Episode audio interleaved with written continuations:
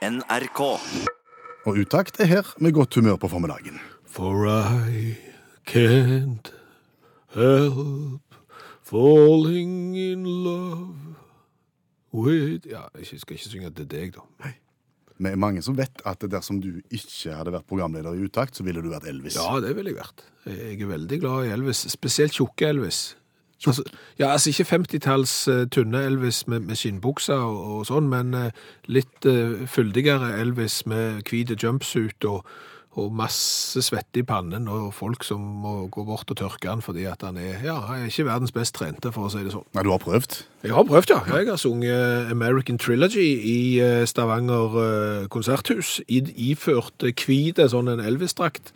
En kopi av eh, 1974-suiten hans. Og damen på første benk ble grepen? Ja, jeg tror rett og slett hun ble litt grann hoien, for å si det sånn. Altså, jeg tror hun var litt klar.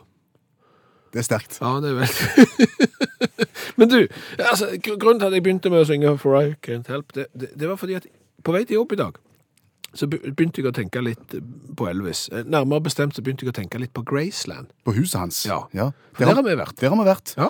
Og der var det mange andre. Ja, Enormt mye folk og kø og kø og kø for å komme inn i huset til Elvis. og, og det var nettopp akkurat den køen jeg, jeg tenkte på. For hvor lenge kan Graceland overleve som museum? Sånn vedlikeholdsmessig, tenker du? Nei, nei. Eh, Jeg, jeg tenker, vi har jo ikke opplevd Elvis i levende live sånn som vi husker spesielt godt, men vi husker jo Elvis med bilder og myter og alt det.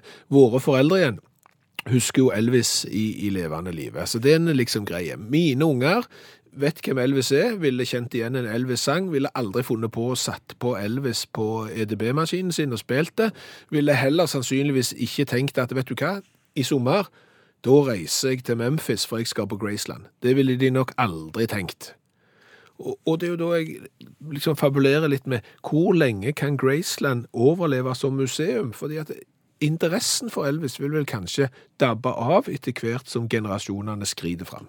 I og med at, eh, Hvis en ser på Graceland som et museum, Ja. og, og det er et museum som da utelukkende baserer seg på ett menneske og ett populært kulturelt fenomen, Ja. så har det ikke den uendelige overlevelsesmekanismen i seg. Det, det mener jeg. Eh, Du kan si sånn Naturhistorisk museum i London eksempel, eh, stiller jo ut et bredt spekter av ting, kan lage utstillinger som er aktuelle, kan gå tilbake til tidligere historier osv. De har jo mange baller å spille på, mens Graceland har på en måte bare Elvis.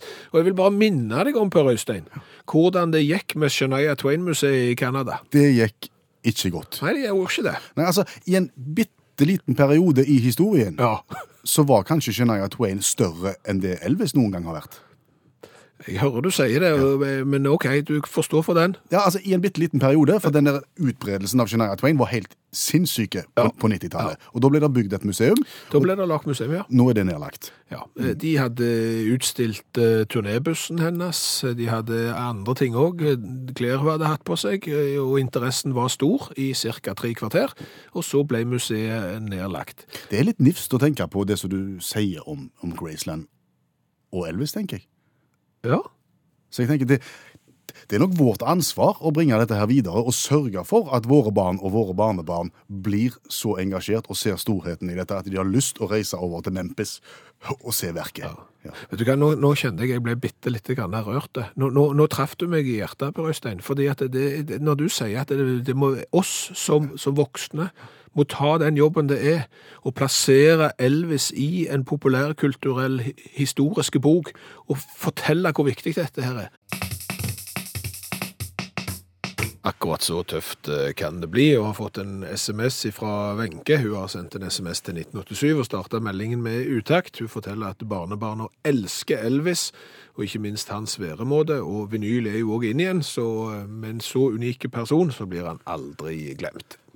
For vi snakket om Graceland, hjemmet til Elvis, Ja. som er et museum, og lurte på om folk vil gå på det om 40-50 år, Ja. når, når barnegenerasjonene vokser opp. Fordi kanskje liksom museet er litt smalt, siden det kun handler om eh, Elvis. Men så kan vi jo kanskje trøste oss da, vi som er litt nervøse for at eh, Elvis-museet Graceland skal forsvinne, at det finnes en del andre museer som er relativt mye smalere. Og som lever i beste velgående. Ja, iallfall foreløpig. Iallfall i velgående. Ja, eh, jeg vet ikke om du kunne tenkt deg å besøke f.eks. Halsbåndmuseet i Kent. Jo, gjerne det. Eh, I England det er altså det er hundehalsbånd. De har 130 historiske gjenstander utstilt, og det eldste er da et mastiff-halsbånd. Mastiff er en sånn svær, eh, kraftig hund som er fra det 15. århundre. Det er liksom rosinen i halsbåndmuseet-pølsa. 150 varianter der, altså. Ja, stemmer det. Eh, Gressklippermuseet i Southport. Det har jeg lyst på. Ja. Briggs and Stratton. Eh, 200 unike gressklippere. De er verdensledende når det gjelder å være gressklippermuseum. Jeg aner ikke hvor stor konkurranse de har, men de, de, de lokker med det. Verdens ledende gressklippermuseum. Ja. Da må du til Southport. Paris. De har jo masse museer. Ja, sant? Louvre. Ja, og en hel haug med, med bredt tilfang. Men kloakkmuseet i Paris er jo litt eh, Det er dritbra. Den er ikke god. Eh, Under bakken. Du får lov å utforske én kilometer av verdensbyens historiske kloakk. Eh, Det er jo en del av systemet som ikke lenger er i bruk, da. Men det lukter ennå. Eh, Et museum som feirer 25 år den 14. februar, det er ikke lenge til. Nei. Det er Kasin, Kaninmuseet i Altadena, California. Hva kan du se på Kaninhuset? Ja, de har alt. Altså, de, har vært, de, de er i Guinness rekordbok for sin kaninutstilling, og de har alt som har med kanin å gjøre. Ja, men altså, De har levende kaniner, de har kaninører, de har alt pynt. Alt som fins, og som handler om kanin. Og de reklamerer på nettsidene sine med at de har hatt besøkende fra over 40 land. Så, så kaniner, det trekker folk. Eh, må du skjerpe deg.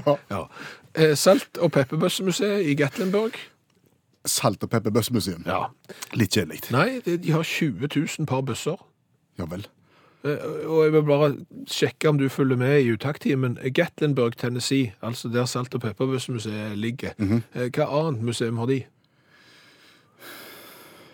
Nei, pass. Eh, Titanic. Og det er der. Ja. Akkurat. Så de har Pepperbøsse og Titanic-museum i samme by. ja, det er veldig flott. Eh, Drar du til Berlin, eh, besøk gjerne de Deutsche Currywurst-museum. Pølsemuseum. Pølsemuseum, ja. De feirer da den legendariske tyske currypølsa. Ja. Og, og går du på mandagene, så får du 20% rabatt på inngangen.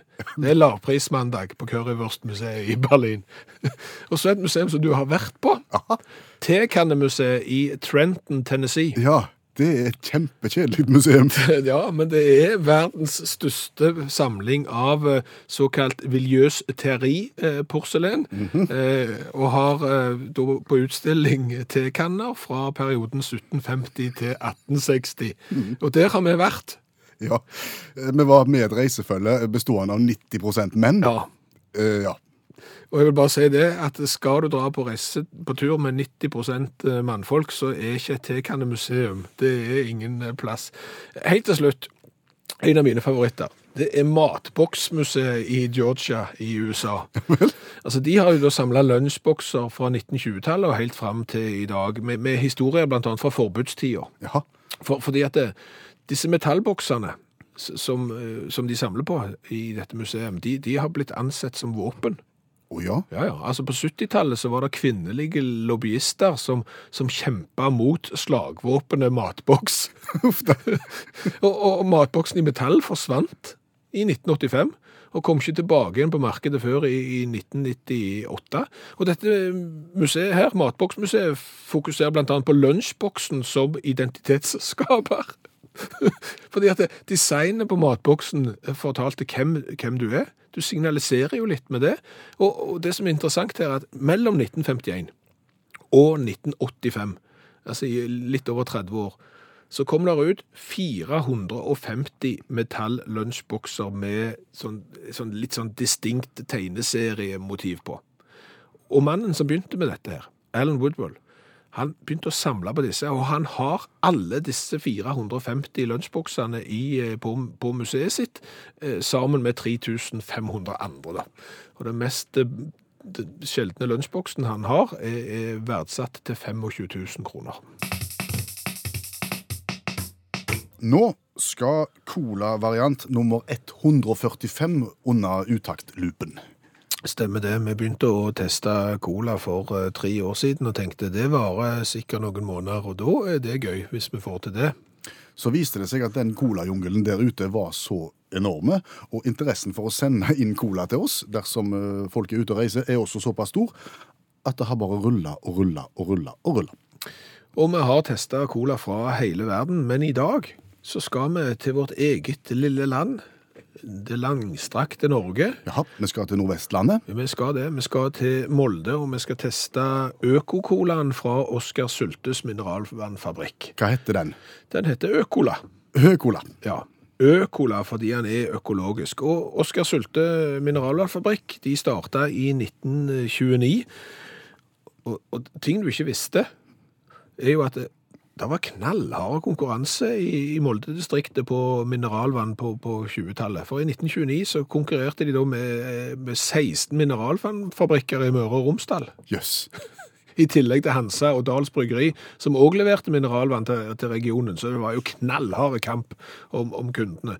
Eh, Produserte bl.a. ananasbrus allerede fra 1929. Er jo kjent for pærebrusen sin. Bringebær og sitronbrus har de òg. Så i 2012 Mm, han er ganske ny, altså. ja, så starta en økologisk satsing. Øko. Eh, Da har du bringebærdrikk, hulleblomstdrikk og økola. Altså økologisk cola. Skal vi allerede nå advare litt, eh, med tanke på de økologiske colavariantene vi har vært igjennom så langt? Ja, de har vel smakt mest økologisk og minst mulig cola. Altså, det har vært det, Det har vært en stenka hostesaft hostesaft i de fleste av dem. ja. Men vi kan smake på den her. Det er en 330 milliliter glassflaske. Eh, Etiketten er litt eh, sort-brun med bilder av noen fjell og en, eh, og en sky. Ja, jeg vil si den er ganske elegant. Ja. Flaska er elegant, etiketten er elegant, og det ser innbydende ut. Så står det Økola med lett rosa bokstaver på, og vi åpner. Glassflaska er jo alltid et tegn på at det vil være kullsyre i den. Fargen er ganske svart. Nå er vi spente. Det hadde vært kjekt med en vellykka cola nå.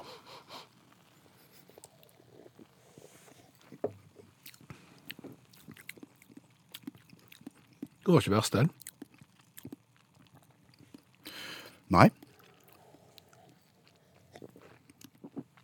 Det er den beste økologiske varianten vi har vært borti, tror jeg. Ja, det er, er et eller annet smak av litt som om du var i et barneselskap og hadde funnet at du skulle dope colaen med bitte litt champagnebrus. En liten dæsj av champagnebrus her. Men det trenger ikke være, det trenger ikke være feil, det. Nei, jeg, jeg er villig til å gå på, på seks. Seks av ti mulige poeng på smak. ja. Nei, jeg tror ikke jeg går lenger enn fem.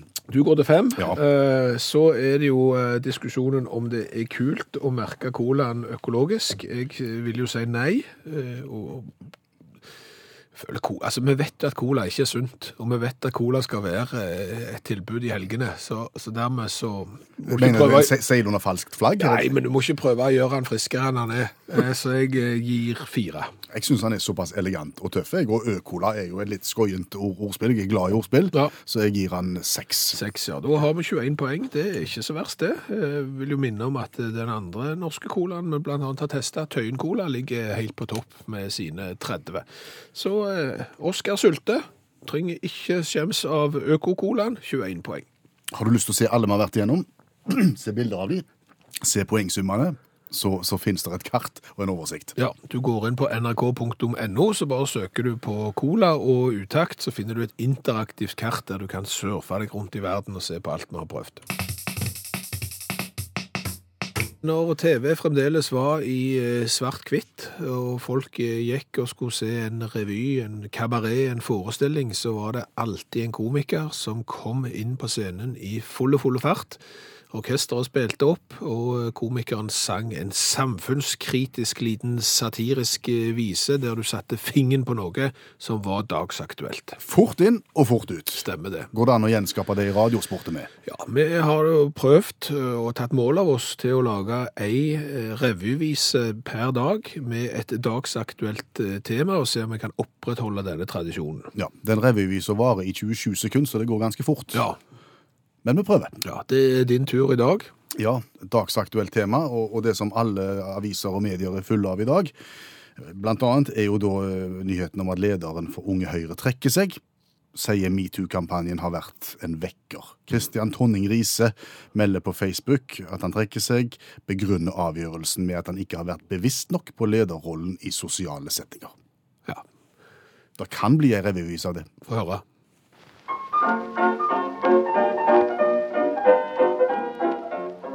Det er over, jeg gir meg, for dette var bra. Beklager alle ifra Hammerfeste Slitu. Unge Riise i Høyre lot kampanjen vekke seg, og plutselig gikk hele sulamitten i tu. Men han er jo ikke mutters helt alene, for det er flere ute der, ja, kjære vene. Vi kan omskrive en sang om siste ukers mannefall. Trond og Kristian ble du og jeg og metoo. Og dette er Utakt i NRK P1. Som nå kommer med et forbrukertips.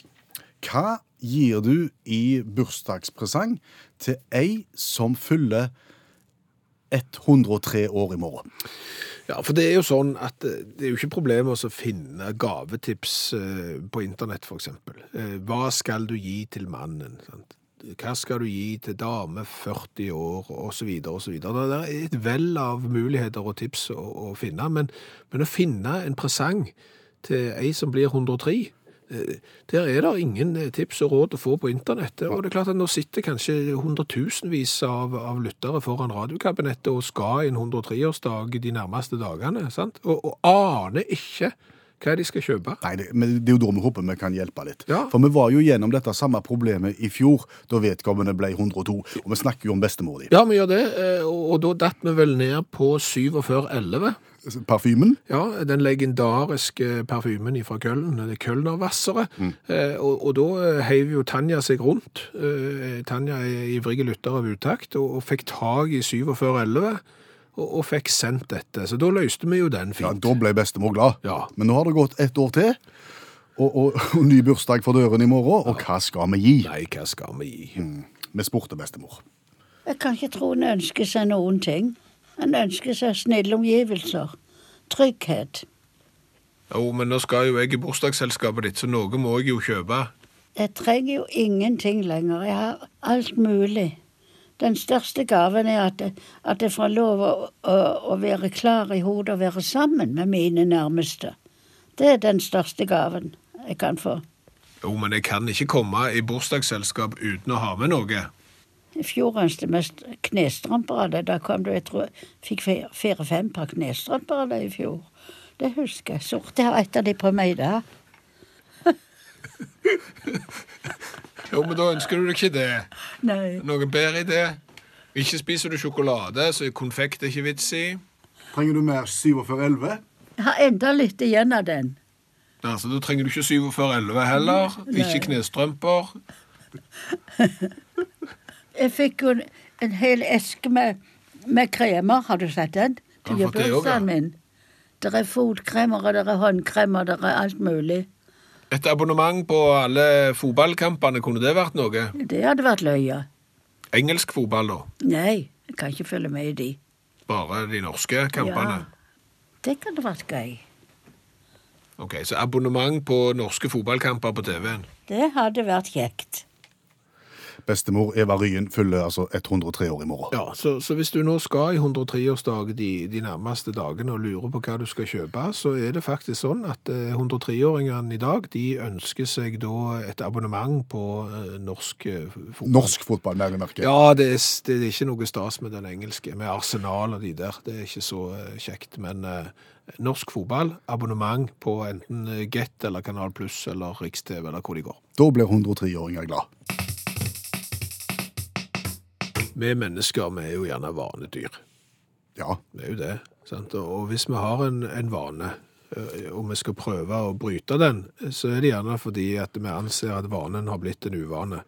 Eh, Men da tenker vi at eh, hvis vi skal bryte vanen, så må vi gjøre noe som er uvanlig. Altså vi må innføre en uvane for å få bukt med vanen som er blitt en uvane. Det er ikke bare enkelt. Nei, det er ikke det. fordi at hvis du ikke tenker deg om det, når, når du går og gjør det samme dag ut og dag inn uten å tenke deg om, så blir det jo en, en, en vane, og du må rett og slett være fokusert for å komme ut av det.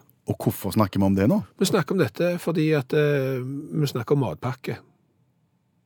Vane, skråstrek uvane og matpakke. Hva er vanen?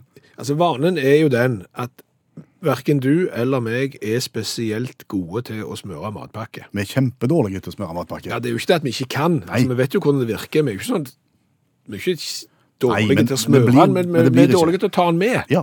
Til å lage den og liksom sånn. Fordi at det, der som vi jobber, Mm. der er det en liten kantine. Der blir det skåret opp brød, der blir lagt fram pålegg. Så forsyner vi oss med det vi skal ha, hiver på en agurk og litt paprika og sånn, og så skriver vi i boka hva vi har tatt, og så trekker de det fra, fra lønna liksom måneden etterpå. Og en og annen dagen så flotter vi oss og går på konditori. Ja, det gjør vi. Ja. ja, ja. Halvt horn med ost og skinke, piffig og varmt og alle tiders. Ja, det er vanen. Det er vanen. Ja. Det er liksom hverdagen for oss. Og så står jeg der og lager meg frokost. Hjemme. Og, hjemme. Og skjærer opp brødskiver og lager til litt frokostmat. Og så tenker jeg, det er noe utrolig tåpelig at jeg ikke lager meg en matpakke når jeg først er i gang. Og det er klart at når du har månedslønn, som ikke holder det han lover, for han varer jo ikke en måned, han varer jo bare 14 dager eller tre uker, så, så er det jo dumt å hive ut pengene på, på mat på jobben, istedenfor å bare ta den som jeg har der foran meg. Sant? Og dermed så gjorde jeg det. Du smørte deg en matpakke Ja, og tok han med. ja, Hvordan var det å spise sin egen mat til lunsj? jeg har ikke peiling. Nei, fordi Fordi at eh, vanen er jo at når klokka nærmer seg lunsjtid, Ja. så går du inn i kantina, så tar du to skiver, så legger du på litt ost, litt skinke, en agurk og litt grann paprika. Så spiser du den, og så skriver du i boka hva du har tatt. Og så går du inn på kontoret igjen og fortsetter å jobbe. Og der lå matpakken. Ja, stemmer. For jeg er jo ikke vant til å ha med matpakke, så det hadde jeg jo helt glemt ut. Ja. Så dermed så fikk jeg jo ikke bruk Jo, jeg fikk bruk for den. Jeg spiste den til kvelds. Ja, det er da noe. Ja, Men sånn er det jo. ja sånn er det. Ja da. Så skal du bryte en vane med en uvane med en vane, det blir bare rot, så, så må du rett og slett være fokusert på arbeidsoppgavene, for hvis ikke så går det skeis. Du må nesten skrive jukselapper. Husk å spise matpakken som du har tatt med. Hva har vi lært i dag? Og du all videste verden, i dag har det vært lærerikt. Så bra. Ja, jeg har jo blant annet lært av eh, Solfrid eh, at hvis du legger nøklene på matpakken, Ja. så er sjansen stor for at du husker den. Det er klart at da husker du gjerne å ta den med på jobb. Mitt tilfelle var jo at jeg husket å ta den med på jobb, jeg bare glemte å spise den. ja, det ble noe annet. Ja, så, men det er jo et tips. Legg nøkkelen på matpakken, så husker du i hvert fall å ta den med på jobb. Så har vi jo lært en hel haug om ulike museer rundt omkring i verden. Ja. Okay. Blant annet eh, Kaninmuseet i California, Ja. som feirer 25 år den 14. februar, eh, og som har verdens største kaninutstilling, og, og besøkende fra over 40 land. ja. Har også fått et tips om, om Piggtrådmuseet langs eh, Route 66. Ja, det er òg en høydere sikker. Eh, og apropos museer, så er det jo et matboksmuseum òg i USA, som samler på disse matboksene av metall. Og ikke visste vi at matbokser har vært forbudt i USA i en periode hvis de var lagd av metall. Fordi For på 70-tallet så var det kvinnelige lobbyister som kjempa mot metallmatboksen fordi han kunne brukes som slagvåpen. Ja. Og de fikk gjennomslag. Så metallboksen Gjennomslag, du, gitt. så metallmatboksen forsvant i 1985, og kom ikke tilbake før i 1998. Ei rifle skal du ha, men matboks? Nei, for all del. Du kan ha pistol i den der matboksen som er lagd av, uh, av plast, men du må for all del ikke ha matboks av metall. Smart skal det være. Eh, så har vi jo lært litt om eh, hva vi skal gi til folk som blir 103. Ja. Bestemor blir 103 år i morgen. Hun ønsker seg da abonnement på norsk fotball. Eh, Men det er òg ei som skriver her at når eh, bestemor hennes ble 103, så ønsket hun seg boka til Eli Hagen. Ja, ja. Ja, så, så det er masse ting. Eh, Einar vil bruke radioen til hjelp, har jeg lært. Trenger Einar hjelp? Ja, han trenger hjelp. Han har lyst til at vi skal hjelpe han med å utrydde grå joggebukser. det er det mest ufyselige plagget som finnes, synes Einar. Og han trenger hjelp av norsk radio til å få vekk joggebuksene. Skal se hva vi kan gjøre. Ja. Og så er det jo litt sånn, hæ, er det mulig? Er ikke verden større? Oh. Det har jeg også lært. Fordi, for noen dager siden, så snakket vi om hvor langt kan du reise, og hvor lenge kan du være vekke med bare håndbagasje. ja. Vi fortalte historien om Margrethe og Steve, som reiste med moped i Laos, Vietnam, Kambodsja og Thailand med bare en liten ryggsekk. Og denne sendinga hørte Jorunn på. Eh, Og hun tenkte hm, Margrethe og Steve, ja, det er jo søstera mi og mannen. Han heter Steven, men vi kaller han bare for Steve. Og de har jo vært på mange turer i disse landene her, blant annet Laos, Vietnam, Kambodsja og Thailand, og reist med bare en liten ryggsekk. Så hun sendte jo en melding til Margrethe. Du, du var på radioen med historien din. Det var kjekt. Margrethe hadde ikke sendt en melding til radioen. Hæ? Steve hadde ikke sendt en melding til radioen. Hvem hadde da sendt en melding til radioen? Det er en annen som heter Margrethe, og en annen som heter Steve, som reiser til Laos, Vietnam, Kambodsja og Thailand på mopedferie med bare en liten ryggsekk. Verden er ikke store. Du vet hva nasjonalsangen til Laos heter? Ja, det er la oss leve for hverandre. Hør flere podkaster på nrk.no podkast.